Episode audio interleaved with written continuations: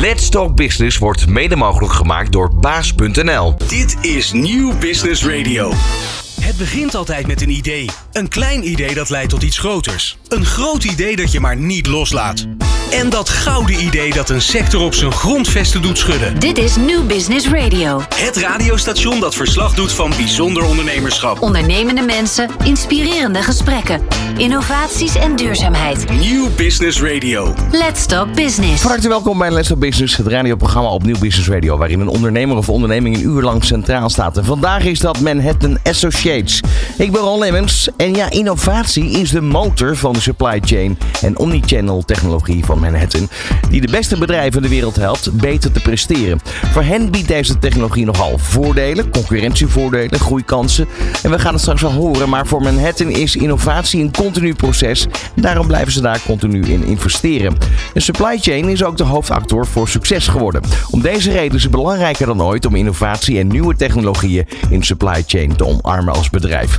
De nieuwe en hoge verwachtingen van de consument om altijd en overal bediend te kunnen worden, moeten als een kans aangezien worden door retailers.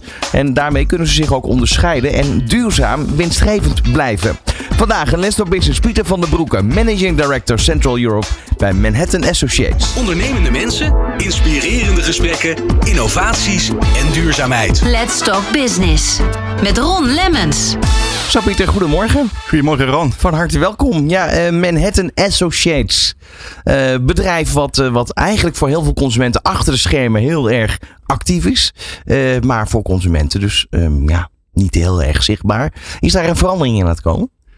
Ja, eh, misschien wel eh, Ron. Eh, de verandering is dat consumenten toch wel heel, heel gefocust zijn om veel gemak te hebben als ze zaken wensen aan te kopen. En vandaag de dag willen ze iets online kopen, iets in de winkel kopen. En hoe dat goed faciliteren als retailer, dan eh, zit Manhattan misschien wel achter de hoek. eh. Ja, precies. En eigenlijk zo, hoe meer en hoe beter het geautomatiseerd wordt, eh, hoe beter de service eh, level richting de consument is eigenlijk. Ja, en, en hoe beter de, de service. En de service, ja, dat kan je definiëren als als je iets belooft als, als retailer, dan ga je het ook daadwerkelijk ontvangen op het moment en op de plaatsen waar je het wenst als, als, als consument. Maar ook als de service verhoogt, dan ga je ook geneigd zijn om nog meer te kopen bij dezezelfde retailer. En, en, en dit maakt het verhaal wel zeer interessant voor eh, en de retailer. En, en op zich zijn er ook voordelen voor de consument, want die is eh, blij. Het is een, wereldwijd opererende organisatie. Eh, Waar, waar, waar zitten de roots? Waar liggen de wortels van dit bedrijf? De roots liggen in de Verenigde Staten. Dus Manhattan is niet Manhattan in New York, maar is eigenlijk Manhattan Beach in Californië. En daar hebben een aantal mensen het idee eh, opgevat van hey, we moeten de, de service naar, als groothandel naar retailorganisaties eh, verbeteren. En dan hebben we ons gefocust op het eh, bouwen van een magazijnbeheersysteem. En dat is dan verder uitgegroeid naar eigenlijk een totale supply chain oplossing. En we zijn 30 jaar geleden begonnen, eh, of meer dan 30 jaar geleden. Maar vandaag is ons hoofdkwartier in Atlanta en hebben we een wereldwijde operatie in elk continent met eh 4500 medewerkers. Ja, dat geldt voor jou persoonlijk, voor Europa. Ja, ik ben verantwoordelijk voor eh, een, een groot deel van Europa. Voor eh, Nederland, België, Duitsland, Denemarken, Oost-Europa. En eh, in Europa in zijn totaliteit werken we nu met een ongeveer een 500 mensen elke dag eh, om onze klanten te bedienen. Zie je daar nog heel veel verschillen eigenlijk tussen die continenten? Om de manier waarop het bedrijf opereert? Ik, eh, hoe, hoe het bedrijf opereert, eh, misschien niet op zich. Maar Maar we zijn- innovatie bijvoorbeeld. Ik kan me voorstellen dat, eh, ik bedoel, hier op het Mediapark zitten een aantal bedrijven. dat zijn Amerikaanse bedrijven. Zijn hier gaan zitten omdat het een, ja, het is een klein, compact land. korte lijnen. Waardoor je eigenlijk innovaties heel goed kan testen. En daarbij dat de, de inwoners hier ook nou, nogal early adopters zijn. Vergeleken met de rest van de wereld. Daar heb je wel een punt, Ron. Als ik zie, hè, wij zijn een heel innoverend bedrijf. We doen dat vanuit onze hoofdzetel, ook met een operatie in, in, in India. Maar er zijn heel veel projecten hier lokaal in Nederland, in België, waar die innovatie echt omarmd wordt en bijna als eerste bedrijf wordt opgepikt, eh, ook in een, in een globale context. Dus de, de maturiteit van de ondernemingen hier, eh, de bereidheid om, om risico te nemen, ligt inderdaad eh, niet, niet zo laag. En dat, dat vinden we op zich wel leuk als, als lokaal onderdeel van een globaal bedrijf. Ja. En die innovaties, wat we eigenlijk in de intro al hoorden, die zijn gewoon ja, key voor elke fysieke onderneming die op dit moment ergens iets in een uh, ja, link heeft met consumenten, met name de retail. Hè? Ehm, hoe, hoe, is dat een wedloop? Hoe zou je die, die ontwikkeling kunnen omschrijven onder die retailers? Ja, ik denk dat er inderdaad, uh, je zegt het goed, uh, wedloop. Hè? Er is heel veel wapengekletter in de markt en, en dit wordt eigenlijk vooral veroorzaakt door marktplaatsen zoals een Amazon die, die zich enorm sterk manifesteert. En, um, en, en de traditionele retailers die niet op het internet aanwezig waren, die worden nu geforceerd om ook op het internet een aanwezigheid te hebben. Nu enkel alleen maar concurreren met een Amazon op het internetniveau gaat je niet succesvol maken, want dat ga je verliezen. Ze hebben de grootte, de kracht uh, en de rijkwijde om dat te doen. Maar als je dan slimmer gaat gaan opereren als retailer en, en jouw, jouw assets fysieke assets, uh, winkels in dit geval, uh, distributiecentra over, over heel Nederland, over heel Europa gaat gaan inzetten om om eigenlijk zo dicht mogelijk bij de consument te gaan aanleunen. Eventueel ook een persoonlijke relatie met die consument te gaan, gaan bouwen. Ook al wordt er veel gedigitaliseerd, kan je dat ook op een persoonlijke manier maar gaan goed, doen. data is key, ook in dit geval. Alles wat je weet van de consument kan eigenlijk de wens versterken en de band versterken met de consument. Da data is key. Ja. Um, nu, het is wel zo, ja, digitale data op digitale platformen, dat is heel eenvoudig. Je, je, je, je elk, elke beweging van een consument op het internet kan je, kan je tracen, kan je bijhouden, kan je analyseren, kan je iets mee doen. Maar waar, waar retailers vandaag de dag een kans hebben, maar ook een uitdaging hebben, is dat zij als het op een fysieke shopping- en winkelervaring aankomt, dan zijn er heel weinig, uh, is er heel weinig kennis van de retailorganisatie over die consument die toevallig zijn winkel binnenwandelt. En indien men dat zou kunnen ook digitaliseren, dat stukje van de winkelervaring, dan gaat men een heel stap verder zijn in, in het bedienen van, van, van die klant. En daar ligt denk ik wel de kern van het verhaal voor retailers vandaag de dag. Hoe kan je het fysiek en het online uh, mooi samenbrengen, zodanig dat de klant zich altijd um, um, naadloos kan laten bedienen door, ja. door de retailer. Precies. Um, we gaan daar uitgebreid op in straks, ja. want ik denk ja. dat het heel interessant is. En ook voor iedereen die luistert heel herkenbaar. Want of je nu ondernemer bent of dat je consument bent, uh, dit gaat je allemaal aan in feite. Ab absoluut. Dus uh, het verhaal is zeer herkenbaar als consument. Maar wat we ook zien, uh, Ron, en dat zullen we daar straks misschien ook dieper op ingaan. Het gedrag van een consument beïnvloedt ook het gedrag van een professionele aankoper, buyer. Want die is ook een consument. En die vindt het heel eenvoudig om iets aan te kopen via, via het internet. Die wil eigenlijk datzelfde gemak kunnen ervaren als een professionele aankoper. En we zien dus ook een, een consumerization van, het, van, van, van supply chain en van aankoop in de, in de business-to-business wereld. Ja, als we de diensten van Manhattan even kort ontleden, gaan we straks natuurlijk uitgebreid op in. Um, hoe kan je ze in, in stukjes hakken, als het ware? Ja, ik kan het heel eenvoudig uh, in stukjes hakken. Enerzijds uh, sturen wij uh, de, magazijnen aan zo optimaal mogelijk. Dus het opslaan, het, ontvangen, opslaan van goederen, het verdelen van goederen naar, naar retailwinkels of naar consumenten zelf. Of naar magazijnen van business-to-business klanten. Anderzijds, dus dat is, dat is redelijk ver weg van de consument. Dan bieden we transportoplossingen aan om het aansturen van transport van, van de magazijnen naar andere magazijnen naar de consument. Dan bieden we ook het aansturen van orders aan om, om de vraag, een order van een klant te kunnen linken naar beschikbaarheid van voorraad. Dus dat is het aansturen van orders. Dat zit wel redelijk, redelijk dicht bij de klant, want we, praten over orders. En dan uh, bieden we ook point-of-sale systemen aan waar dat je in de winkel op een digitale manier klanten kan bedienen. Maar ook na het bestellen van een order kunnen, kunnen wij klanten en retailers helpen om de afterservice zo optimaal mogelijk laten, te laten gebeuren. Ja, dat, dat, is ook een verhaal op zich. En dat gaat ja. natuurlijk allemaal weer met connecties met de API. Allemaal API. En dat is een van de innovaties die we hebben naar de markt gebracht. Is dat uh, uh, technologie is er altijd geweest sinds, sinds, sinds oudsher. Maar vandaag de dag met, met cloud native applicaties uh, ben je in staat om technologie eigenlijk uh, bereikbaar te maken voor iedereen. Ja, en dat is dan API gedreven, API first. Welkom hier bij Let's Go Business. Dankjewel. Van hippe start-up tot ijzersterke multinational. Iedereen praat mee op New Business Radio. Ja, vandaag in Let's Go Business is de gast uh, CEO Pieter van den Broeke van Manhattan Associates. Hij is verantwoordelijk voor een groot deel van Europa. Uh, Manhattan wereldwijde organisatie, we hoorden het net al even. Um, Pieter, laten we eens even terug gaan in de Je, je het al 30 jaar geleden opgericht in Californië, in Amerika. Um, was het zo dat ze in Amerika qua, qua supply chain technologie daar voorop liepen? Of wat, wat is de reden dat het bedrijf daar ontstaan is? Ja, daar ontstaan is. Um, Amerika is natuurlijk wel bekend om, om zijn, zijn grootte en zijn, zijn, zijn kracht om te kunnen innoveren. De markt is groot, dus als je een idee hebt, kan je dat snel gaan ontwikkelen naar, naar, met, naar proporties die, die, uh, die interessant kunnen maken. Dus in die zin uh, zie ik wel Amerika als een, uh, als, was een, was een leuk, leuk gegeven om te starten. Um, de business is daarom niet altijd complexer daar. Europa is, is, is, is, is, is altijd veel complexer geweest. En waar, waar, ja. waar, heeft dat mee te maken met eigenlijk de verschillende landen? Verschillende in, in landen, ja, verschillende landen, lokale economieën, ja. uh, grenzen. Die grenzen zijn nu voor een stukje weggevallen. Uh, iedereen heeft zijn eigenheid. Zeker in de wereld waar dat wij actief zijn, de consumentenwereld, retail. Ja, dan wil je toch wel close bij je markt zijn. Dan kan je geen eenheid, eenheidswoord zijn. Dus eigenlijk als je zou zeggen van Amerika heeft natuurlijk verschillende staten. Maar de cultuurverschillen zijn uh, vergeleken met Europa minder groot. Klopt dat wat ik zou zeggen? Dat, dat zou ik zeggen, zeker ja. op zakelijk niveau. Er zijn cultuurverschillen op het pure culturele niveau, maar op zakelijk niveau zijn er een, heel weinig uh, verschillen. Ook relaties die je, die je bouwt. Uh, er is toch wel in, de, in, de, in, in, in deze wereld, ja, iedereen kent iedereen een beetje. En dat kan je niet doen over heel Europa, maar wel op, een, op, op landelijk gebied. Dus de, daar zijn, zijn wel wat verschillen, ja. ja. ja. En, en uiteindelijk is dat bedrijf daar opgericht. En, en toen ja, werd het langzaam maar zeker groot. Waar, waar zitten daar de succesfactoren in de ontwikkeling van het bedrijf? Ja, de succesfactoren zijn, zijn een aantal. Uh, we zijn tot op heden organisch gegroeid. We hebben nooit enige schulden gemaakt. Dus we hebben altijd met eigen kapitaal hebben onze ontwikkeling uh, uh, uitgevoerd. We zijn altijd heel gefocust geweest op supply chain in een specifieke marktsector. Dus focus is een belangrijk iets geweest. En dan innovatie.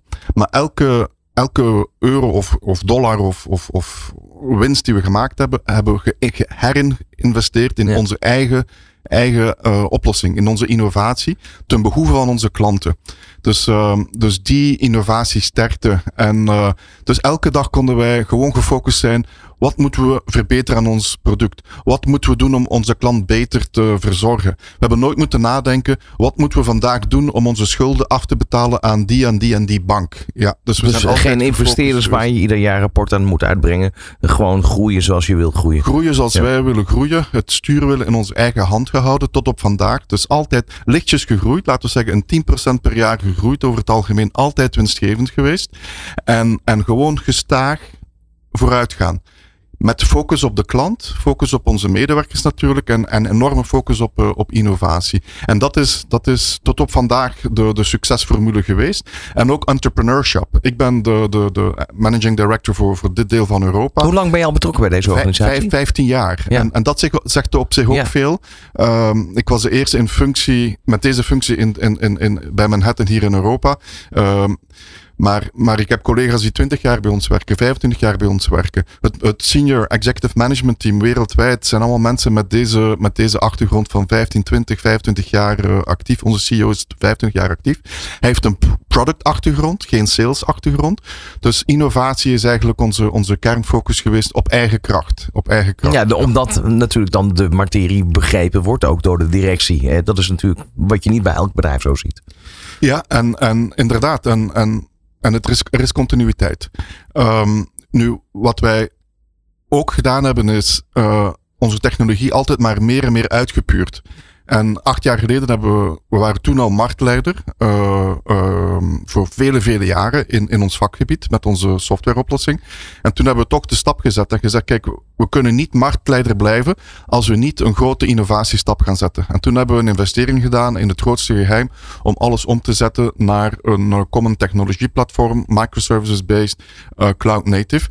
En, en dat is nu uniek in onze markt, is dat een uniek iets. Dus we hebben de moed gehad om ook ons businessmodel aan te passen en om die innovatieslag nog te gaan versnellen. Ja, want nou, daar gaan we straks veel meer van horen.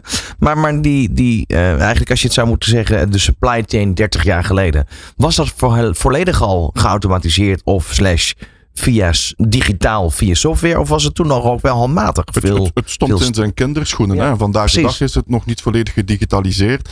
Je zou kunnen zeggen, uh, er was toen ook wel innovatie en zo, maar um, dus dat was het begin van automatisatie. Ja, en dat is ook wat wij aanbieden. Automatisatie van processen. Maar de supply chain op zich was relatief eenvoudig. Ja, je had ook wel te maken met promoties en met uh, tekorten van, van, van aanvoer van producten en, en, en dit soort zaken. Maar uiteindelijk was het wel een lineair gegeven. Je had een consument die gaat naar een winkel, toevallig ziet hij daar, of hij zei iets dat, ze, dat hij graag heeft, dat gaat hij dan kopen. Uh, die winkel wordt bevoorraad vanuit een magazijn, die magazijn wordt bevoorraad vanuit de leverancier. En het was een lineair gegeven. Vandaag de dag is het geen lineair gegeven meer. En, en, en, en je had een paar postorderbedrijven, maar dat waren er, nou, in Nederland drie, vier? Ja, je had, dus, dus toen begon inderdaad multi-channel, noemde dat toen. Uh, verschillende kanalen, verkoopskanalen werden, werden opgestart. Je had inderdaad een Weekant, die ook een, een klant is van ons. Um, een postorderbedrijf, die zijn nu ook volledig gedigitaliseerd. Uh, maar het was toch nog altijd uh, afgescheiden kanalen. Dus lineair of afgescheiden parallel naast elkaar. Wat dat ook betekende, is dat je eigenlijk als organisatie kon je gewoon informatie processen op de snelheid van de beweging van de goederen. Waar eigenlijk informatie met de snelheid van het licht kan geprocessed worden. En vandaag de dag is het absoluut noodzakelijk om, om, om relevant te blijven. Nu, toen was het lineair. Vandaag is het niet meer lineair, is het een, netwerk. Je, je koopt online, je haalt het op in een winkel, uh, je, je koopt het in een winkel, je brengt het mee naar huis, je gaat het via de post terugsturen. Uh, het is een netwerk uh, dat, dat moet beheerd worden. En, en dat brengt de complexiteit, en daar kunnen we later op, op dieper op ingaan, naar een niveau dat vroeger onbeheersbaar was. En daar heb je nu wel moderne technologieën voor nodig om dat te kunnen beheersen. Ja, ik ben toch even benieuwd naar die complexiteit. Ik kan niet wachten. waar, waar zit hem dan specifiek in? Dus de complexiteit is um, dat. Um, laten we zeggen dat je een, een, een, winkelketen hebt. Je hebt een netwerk van, van winkels. Daar leg je voorraad neer. Uh, een beetje afhankelijk van sector tot sector kan dat een ander model zijn. Maar laten we zeggen kledij, kledijwinkelketen. Je legt daar je voorraad neer. En, en, en je hoopt dat mensen die naar de winkel komen, dat ze dat product gaan kopen. En dat de winkel leeg is op het einde van het seizoen. En dan kan je nieuwe producten gaan neerleggen. Vandaag de dag zou je, ga je ook aanbieden in concurrentie met een Amazon en met die platformen, die marketplace platformen. Hey, ik kan ook snel leveren aan, aan jullie, maar misschien niet vanuit mijn magazijn. Maar als je nu naar de winkel komt, kan je het product daar gaan ophalen. Dat wil zeggen dat je de voorraad in, in de winkel is niet alleen bedoeld voor iemand die naar de winkel komt, maar ook voor online verkopen. En hoe ga je dan je voorraadmodel gaan opzetten en daar rekening mee houden? Um, en, en dat zijn, dat zijn uh, exponentiële problemen die, die vroeger totaal niet aan de orde waren. Ja, dat is een beetje wat genoemd wordt het hybride winkelen, eh, als het ware, toch? Hybride winkelen, ja. ja. En dat is voor elk interactiepunt tussen de, de consument en, en, en de winkelier. Is het, moet het een online kunnen gebeuren of moet het offline kunnen gebeuren, in, fysiek kunnen gebeuren? Voor elk interactiepunt. Voordat je iets koopt, als je iets koopt, nadat je iets gekocht hebt, in de afterservice, alles moet ofwel fysiek kunnen gebeuren ofwel uh, digitaal. Ja, want ik kan me goed voorstellen dat je inderdaad als winkel, als het ware, altijd paraat moet staan. Op het moment dat die consument die gewend is online te shoppen en weer een keer een winkel binnenloopt, dan moet het eigenlijk niet gebeuren dat zijn of haar maat niet aanwezig is. Want dan ga je vervolgens weer online shoppen. Absoluut. En, en, en dat is dan het digitaliseren van de, van, van de winkel, zou, zou je kunnen zeggen. Is dat je als die consument binnenkomt, die maat is niet aanwezig, dat kleurtje is niet aanwezig. Dat je dan als winkelier kan zeggen, ja, maar kijk, laat me even kijken. En dan heb je informatie available on your fingertips. Van, oh, we hebben het toch wel beschikbaar in die andere winkel, in ons magazijn, bij een leverancier, bij een partner. Je kan morgen terugkomen, is het weer beschikbaar. Of ik laat het naar je thuis brengen, ik laat het naar je werk brengen, ik laat het naar een pick-up brengen. Op dat moment, en dat noemen we in het Engels save the sale, moet je de sale veiligstellen. En moet je in staat zijn om die inzichten te hebben in je supply chain, voorraad, beschikbaarheid. En moet je dat kunnen voorstellen aan, aan die klant. Ja, en feitelijk is dat eigenlijk, eh, als je zou kunnen zeggen naar jullie klanten toe, uh, jullie uh, pak Jan. Als het ware. Dus dat is, dat is wat jullie als, USP meebrengen. Ja. Jullie zorgen, save the sale. Wij gaan het voor jullie exact. eigenlijk uit, ja, als het ware exact. Uh, voorzien. Exact. Dus de, de, consument verwacht dat soort van service. En als je die dan ook aanbiedt, biedt dat, biedt dat enorme kansen uh, aan. Wat dat in het verleden retailers dachten, oh, internet verkopen, dat is een extra kost, dat is een, dat is een last. Nee, het is een kans als je die kans wenst te grijpen, maar dan moet je wel het model, het businessmodel gaan herbe herbedenken. Als retailer moet je ook de, de incentives voor je winkelmedewerkers gaan, gaan aanpassen, zodat die ook, ook beloond worden als die een, een, een product die in de, in de winkel op voorraad lag, wordt verzonden naar een klant thuis, omdat hij online die, die aankoop heeft uh, geplaatst. Hè. Wat dat vroeger was, was dat verdienmodel helemaal anders. Um, tot slot nog even van dit stukje. We gaan straks uitgebreid verder praten. Uh, het innovatieproces, um, gaat dat met of zonder de klant? Met de klant. Uh, hoe, hoe, vaak hebben jullie contact bijvoorbeeld? Is er iets over te zeggen? In principe continu contact. Uh, ja. En met de nieuwe technologieën die we op de markt gebracht hebben, een aantal jaren terug, zijn we in staat om eigenlijk elke dag opnieuw innovatie aan de klant te geven. En elke klant heeft eigenlijk dezelfde platform waar dat ze zich op eh, bedienen. Maar elke dag kunnen we nieuwe innovatie aanbieden zonder dat die klant dat ook maar merkt. Het is een beetje zoals een Facebook verhaal.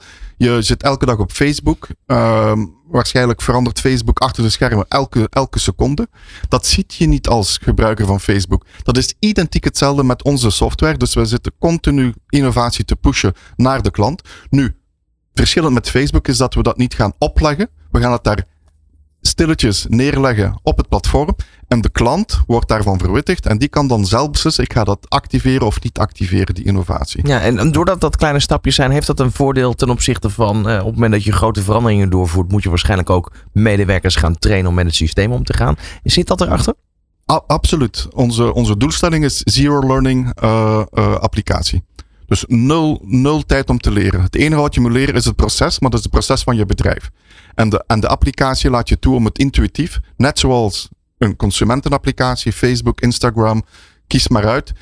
Even intuïtief moet, moet de is de applicatie vandaag de dag. En dat is een belangrijk gegeven, kunnen we misschien ook later op terugkomen. Want uh, de millennials van vandaag zijn, zijn, zijn je medewerkers en die verwachten dat soort van applicaties wanneer ze hun, hun werk moeten uitvoeren. En als het goed is, gaan ze het heel leuk, leuker vinden ook. In de positieve vorm, toch? Ja, absoluut. En dat is ook een stap die we gezet hebben. Uh, hoe kunnen we het leuk maken op de werkvloer? En, en, en we zijn allemaal uh, geïntegreerd door uh, fitness apps. Uh, en door over onze fitness waarschijnlijk ook. En, en we hebben een concept gamification naar de werkvloer gebracht. Waar dat we onze, de medewerkers kunnen uitdagingen krijgen. Of als een groep of als individu. En dan beloond worden als ze die uitdagingen goed kunnen, kunnen uitvoeren. En dat is allemaal visueel. Wordt dat naar voren gebracht aan de medewerker. Elk op elk moment van de dag op zijn mobiele systeempje. Mooi, ja. we gaan zo verder praten. Ja. Dit is Nieuw Business Radio. Vandaag in de studio Pieter van der Broeke. Uh, hij is uh, CEO voor, voor Manhattan Associates in Europa. Mondiale speler, uh, Pieter. Um, uh, waar ik zo meteen natuurlijk even over wil hebben. En waar we het al een beetje over gehad hebben. Over de verschillen tussen de continenten waar jullie opereren. Maar het heeft natuurlijk ook te maken met het personeelsbestand. Dat is ook weer anders dan uh, de culturen waar we het net al even over hadden. Maar even terug net over de ontwikkeling. Hè? Dus, dus de, de, de medewerkers die moeten werken met jullie oplossing. Uh, worden eigenlijk nu ook door middel van gamification. ja, steeds gemotiveerder, als het goed is. Om met dit systeem te werken. Ja, kan, je, kan je daar een voorbeeld van noemen ook? Ja, ik kan daar absoluut een voorbeeld van noemen. Um, een, een, een, globale fabrikant en distributeur in, uh, in, schoonheidsproducten. Die heeft dat concept toegepast uh, in, in een van de magazijnen. En die hebben 15% productiviteitswinst gerealiseerd. Niet de processen aanpassen, enkel alleen maar de medewerkers motiveren met, met uitdagingen. Groepsuitdagingen van we moeten zoveel producten kunnen verzenden vandaag de dag uh, van, van die categorie. En dit is een, een, een fantastisch voorbeeld dat, dat heel inspirerend werd voor, voor vele andere mensen. Nu, het is niet alleen gamification, maar het is eigenlijk ook het meten van de productiviteit van de medewerker, maar het verzetten van een, van een laten we zeggen, een palet met 20 dozen op, is een veel minder moeilijke taak dan het verplaatsen van 20 individuele doosjes. Dus als je gamification wil toepassen en de medewerker wil motiveren, moet het ook duidelijk zijn voor de medewerker dat hij op een, op een faire manier wordt gemeten en behandeld. En dat is ook wat dan de achtergrond is van de innovatie, dat je heel fijn gaat gaan meten. Wat is de taak dat die medewerker heeft uitgevoerd en, en, en, en hoe presteert hij ten opzichte van een bepaalde doelstelling?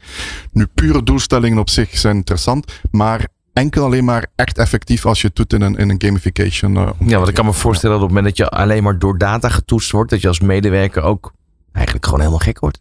Dan, dan word je gek. Dus het moet mooi gevisualiseerd worden, het moet speels zijn um, en, en niet uh, met. met uh, met, met, Niet met, met, de zweep. Met de zweep uh, mensen gaan aanjagen. Ja. Ja. Um, dan, dan over um, zeg maar het bedrijf zelf. Manhattan. Hoeveel werknemers heeft het wereldwijd ongeveer? Wereldwijd 4500 mensen ongeveer. Uh, dit jaar hebben we al 500 mensen aange aangenomen. Uh, dus het is enorm sterk groeiend. Als je dat contrasteert met andere technologiebedrijven, misschien een beetje andere sectors, een Facebook en, en, enzovoort. Die hebben duizenden mensen ontslaan de laatste maanden. Dus we zijn uh, sterk groeiend. En dit is in, in aanwezig in de Verenigde Staten, in Europa, in Azië. En dan ook heel specifiek met een support- en ontwikkelingscentrum in, uh, in, in India. Ja, en die is op zich best verklaarbaar. Want dat is natuurlijk ook wel, hè, wat we weten in de IT-sector, is er een war on talent. Of ja, dat klinkt misschien negatief, maar er is gewoon tekort aan, aan goede mensen. Vaak zie je dat, dat ja, in Nederland bedrijven, eigenlijk vanuit Europa misschien wel zelfs, vaak kijken naar India. zijn heel veel hoogkwalitatieve medewerkers te verkrijgen. Uh, dat geeft ook aan dat jullie daar dus dat uh, ontwikkelcenter hebben. Hoe gaan jullie verder eigenlijk om met nieuwe talenten uh, aanwenden? Want ik kan me voorstellen dat het, het kan dan vanuit India allemaal geregeld worden. Maar India, Verenigde Staten is ook alweer een behoorlijke afstand. Hoe, is het ja, verschil? Hoe ja. Dus voor Europa is dat misschien nog iets eenvoudiger omdat we ja, niet te ver precies. van India af liggen. Maar eigenlijk gebruiken we ook hier een hybride model. we hebben mensen die, die, die in India activiteiten uitvoeren, vooral software ontwikkelen, eventueel testen. Um, maar de designs, de, de, de, de definities van wat er moet gebeuren, dat gebeurt hier lokaal met onze lokale mensen, met, met onze klanten samen. En we brengen ook heel dikwijls onze, onze medewerkers van India hier naar Europa, naar onze lokale activiteiten, zodat zij ook eigenlijk betrokken voelen bij, bij, de, bij, bij het project, bij de waardecreatie die we proberen te, te bereiken. Talent aantrekken is, is, uh, is, is, is inderdaad niet eenvoudig. Uh, ook talent behouden. Uh, India is, is ook niet eenvoudig. Daar, daar is er heel veel concurrentie. En uh, we hebben gezien dat we toch uh, de laatste jaren enorme goede prestaties daar kunnen neerleggen ook. Dat, het salaris heeft er iets mee te maken, denk ik, maar niet alleen. Het is ook, oké, okay, waar sta je voor als bedrijf? Uh, wat kan je bieden? Welke groeikansen kan je bieden? En we zijn op innovatiegebied, op technologiegebied, zijn we echt enorm vooruitstrevend. En dat is zeer aantrekkelijk voor, voor, voor nieuwe talenten in de markt. Als ze dan ook zien dat hun bestaande collega's reeds vele, vele jaren in hetzelfde bedrijf hun hoesting terugvinden, ja, elke dag ja, opnieuw. Ja. ja. dat trekt ook wel aan. Elke hè? dag opnieuw plezier beleven. Ja. Um, waar zit vaak de motivatie bijvoorbeeld voor jou persoonlijk om iedere dag dit werk uit te oefenen? Ja, voor mij persoonlijk, en, en dat is een, een heel interessante vraag, Ron. En een heel. Um, dus enerzijds, ja, wij verkopen onze software, we implementeren het, wij, wij, wij bieden afterservice. Dus als je een verkoop realiseert of een, of een go-live realiseert, is het een beetje als topsport. Je, je, een verkoop is zoals topsport, er is maar één winnaar, je, je tekent contract, dus dat geeft wel een, goed gevoel. Um, maar en ook een go-live realiseren, echt waarde creëren voor de klant, is ook, een, geeft een fantastisch gevoel en een motivatie. De energie die ik heb, is eigenlijk, komt van mijn klanten en van mijn medemensen. Uh, um, maar wat mij echt drijft, is dat ik zie. Vandaag de dag heb ik iets van een 140 mensen die rechtstreeks voor mij werken hier in dit deel van Europa. Maar ook nog een 120-tal mensen die op mijn budget werken vanuit India. Als ik dan zie dat elk van deze mensen hun leven opbouwen op lange termijn in de context van mijn organisatie. Dat zij families hebben met kinderen die, die, die, die opgroeien, die naar, naar school gaan, die, die hun eigen leven leiden, die opkijken naar een vader en moeder die presteren binnen een Manhattan-organisatie. En dat mee helpen realiseren en daar verantwoordelijk voor zijn, geeft mij eigenlijk elke dag opnieuw de grootste voldoening. Ja, ja en, en het uh, zien groeien dan ook van de organisatie waar je al jarenlang bij betrokken bent, kan ik me voorstellen. Ja, en, en we, zijn, we zijn begonnen met 15 mensen en we zijn nu bijna 150 mensen. Dus dat is, dat is on, on, onwaarschijnlijk. Ja. Ja. Uh, ja. Um, de industrie waar jullie actief zijn, we hebben het veel gehad over retailing, uh, retail. Uh, maar dat is natuurlijk niet alles. Want ik zie hier ook uh, medisch, farmaceutisch, um, de logistieke dienstverleners aan zich, groothandels, food and beverage, manufacturing. Heel breed. Wat, wat is nu het wezenlijke verschil uh, in, in ontwikkeling? Ik bedoel, uh, medisch en farmaceutisch kan ik me ook voorstellen hoe sneller producten geleverd worden. He, we hebben natuurlijk in coronatijd gezien dat dat vooral een probleem opleverde voor de hele bevolking in de wereld zelfs. Ja, ja, ja, die sector heeft inderdaad geëxplodeerd in zekere zin. Um, dus hier is ook automatisatie uh, in, in deze sector uh, heel belangrijk. Ook validatie van kwaliteit. Dus, uh, dus de kwaliteit eisen zijn heel hoog. En dan moet je eigenlijk automatiseren, digitaliseren om, om, om de oorsprong van het product, alle behandeling van het product, dag in dag uit, in elke stap van, van leverancier naar eindgebruiker, patiënt in dit geval, te kunnen faciliteren.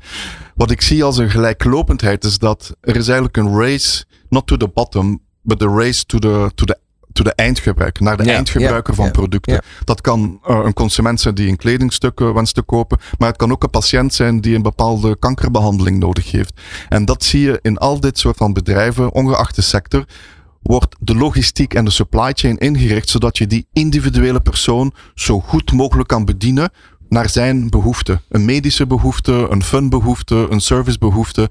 En dat is een andere factor van complexiteit die toegevoegd wordt nu aan, aan, aan supply chain. Ja, want, want eh, ontleed je de supply chain, begin je natuurlijk eigenlijk bij de leverancier van de grondstof. Eh, in hoeverre begint daar het verhaal al eh, bij jullie? Is, is het al echt vanaf dat moment, dus noem even het, het heel duidelijk product, de melk van de koe. Begint bij de boer. En vervolgens belandt het in de supermarkt. Ja. Jullie zijn in dat hele proces betrokken? In principe kunnen we in dat hele proces betrokken zijn. We gaan niet de, de boer zijn, zijn boerderij gaan, gaan, gaan beheren. Dat gaan we niet doen. Maar we kunnen wel de communicatie tussen de, de retailer en de boer faciliteren. Waar dat de boer kan aangeven, ik heb zoveel melk melk beschikbaar. Jij bent zoveel aan te kopen. Ik kan dat bevestigen. Dus die hele communicatie, collaboratie tussen de leverancier, een boer in dit geval, en de retailer kan gedigitaliseerd worden.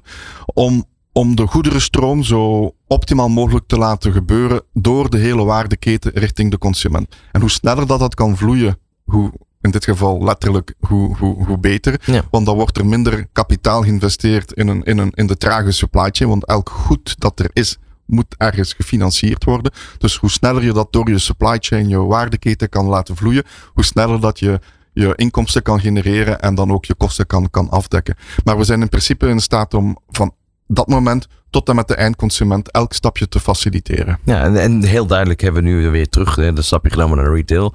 Eh, ik kan me voorstellen dat eh, medisch en farmaceutisch gezien, eh, dat daar, als het daar gaat lukken, nog, nog veel belangrijker is. Nu hebben we wel gehoord dat er afgelopen jaren veel eh, leveringsproblemen waren, bijvoorbeeld vanuit Azië. Eh, Kan jij daar Ja. iets over, over uitleggen? Hoe, hoe- wat is daar de belangrijkste reden van geweest? Ja, de reden is, is natuurlijk de pandemie geweest. Uh, en, en het is. Uh, het, het effect, dat is misschien iets technisch, maar dat is een heel bekend begrip, is dat um, een bepaalde verstoring in de supply chain gaat versterkt worden, meer en meer dat je downstream in de supply chain gaat. Het is een soort van opslinger effect in Ja. de supply chain. Dus wat is er gebeurd uh, bij de, aan het begin van de pandemie, die is ontstaan in China. Um, daar waren de, laten we zeggen, de lokale organisaties, retailers, bezorgd over beschikbaarheid van goederen. Die hebben dan beslist om eigenlijk minder goederen uh, ja, minder agressief hun verkoopsplannen te maken, omdat er een tekort zou kunnen zijn aan goederen. Dus hebben ze, hebben ze eigenlijk gekozen om, bij wijze van spreken, die producten lokaal te behouden, minder uh, exporteren, waardoor. Uh, is dat een. Nee, er was gewoon geweest? minder, minder productie, omdat fabrieken werden stilgelegd. Oh, ja, ja. Uh, dus er was gewoon minder productie. Nu, op dat moment uh, is er ook een reactie ontstaan waar dat men zegt, hey, er is minder voorraad, dus ik ga grote bestellingen plaatsen, zodanig dat ik toch iets kan krijgen van, van levering. En dat heeft die, dat, dat opslingereffect veroorzaakt. Dus iedereen is beginnen kopen, kopen, kopen, heeft bepaalde goederen gekregen. En, en, maar aan, aan, aan, de, aan de leverancierskant zag men, hey, er wordt meer, meer verwacht van Ja. ons en ik ga meer produceren. En dan werd er overgeïnvesteerd in stok. En er is continu een on-off verhaal geweest. En de supply chain is sinds twee jaar volledig disrupted. En ik denk dat het nog waarschijnlijk nog een jaar, misschien nog twee jaar gaat duren voordat dat die disruption gaat, gaat uitvlakken. En, en uh, dus, dus dat is een, een, een verhaal Maar is geweest dat iets van waar- storingen. Is dat iets waar je van als Manhattan een, een, een oplossing voor kan bieden? In, in zekere mate wel, in zekere mate niet. Als er een, een, een leverancierstekort is, daar kunnen we eigenlijk weinig aan doen. Dat Ja. was een, dat was een on, dat was een precedent die nog nooit gebeurd is in de wereld. Dus daar kunnen we eigenlijk niet zoveel aan doen. We kunnen dan wel helpen. Nou, hoe gaan we dan de voorraad die we dan toch hebben, zo goed mogelijk gaan gebruiken en, en verdelen over onze klanten, over onze Ja, consumenten. want staat of Dat- valt dat ook met forecast eigenlijk. Als het Met, met forecast, ja. Dus dat Ja. bieden wij ook wel aan. Maar het, het, het forecasten van een, van een pandemie is niet iets dat, dat, dat, dat in systemen Nee, aan, dat gaat, dat gaat, nee, precies. Dus dat- dat ook daar niet. weer iets, Ja. iets heel unieks. Ehm, we gaan zo verder praten natuurlijk over, over ook de toekomst. Want ik ben wel eens benieuwd. Wanneer is de consument nu eens een keer tevreden? Ik bedoel, eh, kijk even naar hier in de Randstad. Heb je eh, leveranciers. Nou, die bestel je. Dat zijn de supermarkten op wielen, zeg maar. Eh, die zijn binnen een kwartier staan ze voor je deur. Ehm, ja, ik kan me voorstellen dat dat te ver gaat voor heel veel andere producten eh, wat dat betreft. Het zou kunnen, ja. Dit is Nieuw Business Radio. Ja, vandaag in de studio is eh, Pieter van der Broek, eh, CEO van Manhattan Associates in dan met name voor het continent Europa, een groot deel van Europa. Ehm, ja, we hebben het net al over verschillende ontwikkelingen gehad, hoe belangrijk die supply chain is. Hè? Ik bedoel, van, van grondstofleverancier tot uiteindelijk zelfs de bezorgdienst. Uh, stip ik nu een, een heikel onderwerp aan? Nee, nee. Zeker niet, uh, uh, Ron. Oh. Um, um, ja, de, de, de bezorgdienst is, is ook een belangrijk gegeven. En, en uh, ik denk ook wel dat daar nog stappen kunnen gezet worden. Um, en, en, zeker vast ook in de context van duurzaamheid. Uh, wij kopen maar pakjes aan online en dan wordt die allemaal individueel bij, bij ons thuis gebracht. En ik denk ook wel dat daar een, een behoefte is voor de, voor de planeet om, om die stromen wat te gaan verdikken en te consolideren. Zodat als je twee pakketjes bestelt, één s morgens, één s avonds, dat je die misschien wel in één pakket dan thuis geleverd krijgt door de, door de bezorger. En daar is er wel een samenspel nodig tussen de retailer en de, en de bezorgdiensten. Ja, want om je dat ziet, goed, uh, je ziet soms letterlijk de race tegen de klok in de straat. Ja, en, en, en dat doet soms pijn aan, aan, aan het hart en zeker en vast pijn aan de, aan de planeet. Dus uh, daar, daar moet zeker en vast iets aan gedaan worden. Uh, en zeker en vast ook, uh, soms, soms zijn die bezorgingen ook nutteloos geweest, omdat het dan een, een half uur later alweer wordt geretourneerd. Dus dat is, retouren zijn belangrijk, absoluut belangrijk om het commercieel interessant te maken voor bedrijven om online te gaan verkopen. Dus retour faciliteren is nodig. Maar daar moet wel een beetje paal en perk aan, aan gesteld worden. Ja, dan, dan kom je heel duidelijk op het onderwerp duurzaamheid. Daar gaan we het zo meteen ook uitgebreid over hebben. Want dat, dat is natuurlijk 1 en 1 is 2 wat dat betreft. Je ziet steeds meer uh, elektrische, elektrificeerde auto's rijden. Dat is al een goede stap in de richting. Maar ik kan me voorstellen dat het niet in elk continent al aan de orde is. Nee, maar... Uh, maar ik denk dat de bewustwording enorm zich aan het ontwikkelen is. En, en wat ja, enerzijds is er ook wel overheidsbemoeienis en ik denk dat dat ook nodig is. Um, maar anderzijds, de consument van vandaag, die verwacht dat gewoon. Die, die wordt zich echt uh, planeetbewust en die gaat niet meer zaken gaan kopen bij bedrijven die zich niks van de planeet wensen aan te, aan te trekken. Dus je, je moet plan, ja, ecologische, uh, juiste opties aanbieden aan consumenten om hun aankopen te plaatsen, ook om aankopen te kunnen retourneren. Ja, ik, herken het heel duidelijk voorbeeld over retourneren. Uh, mijn eigen vriendin een aantal jaar geleden, die bestelde zoveel dat het in een pakket uh, paste wat eigenlijk niet eens in de auto paste. dat is één keer gebeurd, daarna nooit meer, kan ik beloven. Maar ik, dit is wel een beetje wat er gebeurde in die tijd van nou, retouren. Prima, dat kan, dat kost niks. We sturen het gewoon lekker terug. dus nou ja, logischerwijs, hè, als het dan gaat om kleding, nou krijg je dit soort grote pakketten thuis. Uh, dat is niet meer van deze tijd. Maar hoe, hoe, kan je nu daar de innovaties opleggen eigenlijk? Ja, innovaties uh, kan je opleggen bijvoorbeeld uh, als je kijkt vanuit een retailkant. Kan je, kan je kijken van als, als je iets in de winkel online koopt en je moet het dan terugsturen via de post, zou je kunnen ook als retailer aan, aanbieden van hey, als je het naar mijn winkel terugbrengt, dan gaat gaat het je niks kosten. Als je het via de post terugbrengt, gaat het je een halve euro kosten. Um, ook als je vanuit een retailorganisatie of een distributieorganisatie gaat kijken naar retouren. Uh, vandaag de dag in 90% van de gevallen wordt die retour altijd teruggebracht naar het magazijn waar het ooit verzonden is geweest. Maar misschien moet het teruggebracht worden naar een winkel om het daar commercieel beschikbaar te maken en, kan het snel weer verkocht worden. Maar door het naar een dichtstbijzijnde winkel te brengen, ga je de, de transportkosten en, het, en, en, en, en de impact op, de, op het milieu, op de planeet, ga je gaan verkleinen. Dus er moet op een veel slimmere manier nagedacht worden van hoe gaat die retour gebeuren, zodanig dat de transport impact uh, uh, geminimaliseerd is. Anderzijds moet je ook als retailorganisatie ervoor zorgen dat als iemand iets aankoopt, dat de consument eigenlijk wel het juiste product heeft aangekocht. Dus je moet informeren uh, met juiste informatie, uh, maatinformatie, technische informatie, zodat de kans dat het product moet geretourneerd worden uh, verkleint. Dat is ja. een, een, belangrijk gegeven. Want over retouren gesproken, dat was natuurlijk algemeen bekend. Een aantal jaren geleden werden sommige retouren werden gewoon ge, ja, eigenlijk vernietigd. Ja, dat Ongelooflijk. Is, dat, is, dat, is, dat is verschrikkelijk. Hè? Ja. Dus de waarde van, van, van het retour is zodanig klein. En daar kan je de vraag stellen, moet dit eigenlijk wel online verkocht worden? En, en kan je dat eigenlijk wel retourneren? Dus daar is geen gemakkelijk antwoord op. Hè. Daar, ik denk dat daar dan waarschijnlijk overheid wat sturend gaat moeten zijn we willen natuurlijk geen, geen communistisch land worden hier, maar, maar er moet wel, wel wat sturing zijn om, om daar toch en, en, en bedrijven en consumenten in een bepaalde richting te duwen. Dat zal wel moeten, want oneindig is het niet. Eh, oneindig is de planeet ook niet. Dat, dat geef je ook aan, dat, daar moeten we allemaal op letten. Uh, waar zitten nu de grootste innovaties op het gebied van duurzaamheid? Uh, innovaties zijn enerzijds het... Um, het optimaal kunnen, kunnen sourcen van producten zodanig dat de impact op planeet klein is. Dat wil zeggen, sourcen vanuit een dichtstbijzijnde magazijn, dichtstbijzijnde winkel. Um, het uh, slim inzetten van assets. Assets zoals transport, zoals je zei, een elektrische fiets, een elektrische vrachtwagen. Uh, vandaag de dag zijn dat nog, zijn dat nog um, um, hybride assets die beschikbaar mhm. zijn. En, en met fuel en met, met, uh, met elektriciteit, eventueel waterstof. En, en dat zo goed mogelijk inzetten. Maar ook bedrijven opleggen dat ze moeten een bepaalde ecologische footprint moeten, carbon footprint moeten beperkt houden en ze daarop afrekenen. Uh, maar dat vergt dan ook innovatie om, om dat te kunnen meten en dan ook beslissingen kunnen te nemen. Hoe ga ik mijn supply chain aansturen, rekening houden met de, met de minimalisatie. En dat is waar jullie weer bij om de hoek komen. En dat is waar dat wij ook weer om de hoek kijken. Eigenlijk sinds 30 jaar uh, werken wij daarop. Maar toen was het thema niet zo duidelijk. Nu kunnen we dat eigenlijk heel goed articuleren hoe dat we de, de carbon footprint reduceren.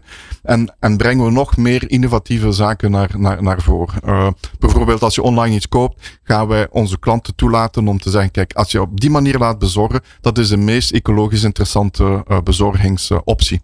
En dan klanten motiveren om die optie te kiezen. Wij hebben in dit programma uh, af en toe een onverwachte vraag. nu ook. Um, en dan zou ik eigenlijk willen vragen, noem een getal van 0 tot en met 10. En daar zit een vraag aan gekoppeld. 7. Voor wie zou je een compliment willen maken? Maar misschien dat ik hier nu wel heel persoonlijk word. Uh, een compliment aan, aan, aan, mijn vrouw. Ik ben ook 30 jaar actief in deze wereld. Een beetje een gekke wereld. Elke dag met klanten bezig. En um, hoe dat zij mij ondersteund heeft uh, in die 30 jaren um, is, is, uh, is gewoon fantastisch. En en, en ja, we zullen nog een aantal jaren voortdoen. Uh, maar uh, ja, ik denk zonder raar dat het uh, absoluut niet zo mogelijk geweest zijn. Nou, dat, dat vind ik in ieder geval een heel persoonlijk compliment. Dank je wel daarvoor. Ja. Um, gaan we gaan we even terug naar het verhaal voor de toekomst. Want hoe zie je de toekomst van Manhattan? De toekomst van Manhattan, wat ik zie is dat wij iedereen op, op, op dat cloud-platform gaan krijgen. al onze bestaande klanten. En dat we dan in staat gaan zijn om op een continue basis waarde te creëren. Waar daar vandaag de dag technologie was soms moeilijk te bevatten. Was grote stappen moesten gezet worden. Dus die stap werd maar af en toe eens gezet om de vijf jaar, om de zes jaar. Ik denk nu met technologie die zo bereikbaar is, dat we op een continue manier gaan in staat zijn om onze klanten waarde te laten creëren. En, en, en dat is denk ik het nieuwe businessmodel. Het is uh, waarde uh, on demand. Ja, wat je eigenlijk zei, gewoon 24-7 nieuwe ontwikkelingen doorvoeren. Exact. Uh, kan dat uiteindelijk, moet wel ergens voor de opdrachtgever tastbaar worden wat er dan daadwerkelijk ontwikkeld is? Is die vertaalslag nog goed te doen? Want het wordt natuurlijk steeds complexer. Het wordt complexer en die vertaalslag, ja, dat gaan we ook weer uh, media gaan gebruiken uh, door uh, trainingsvideo's, gebruikersvideo's te, te, te publiceren. het ook echt beschikbaar te maken, heel eenvoudig benaderbaar. En, en op die manier de technologie toegankelijk maken. ook, ook het opzetten van de systemen is sterk vereenvoudigd. Um, en, en dat is onze, onze strategie eigenlijk, is het om eh, heel eenvoudig te kunnen, kunnen benaderen. Ja, want je zei het is cloud-based, het draait op het uh, Microsoft-platform.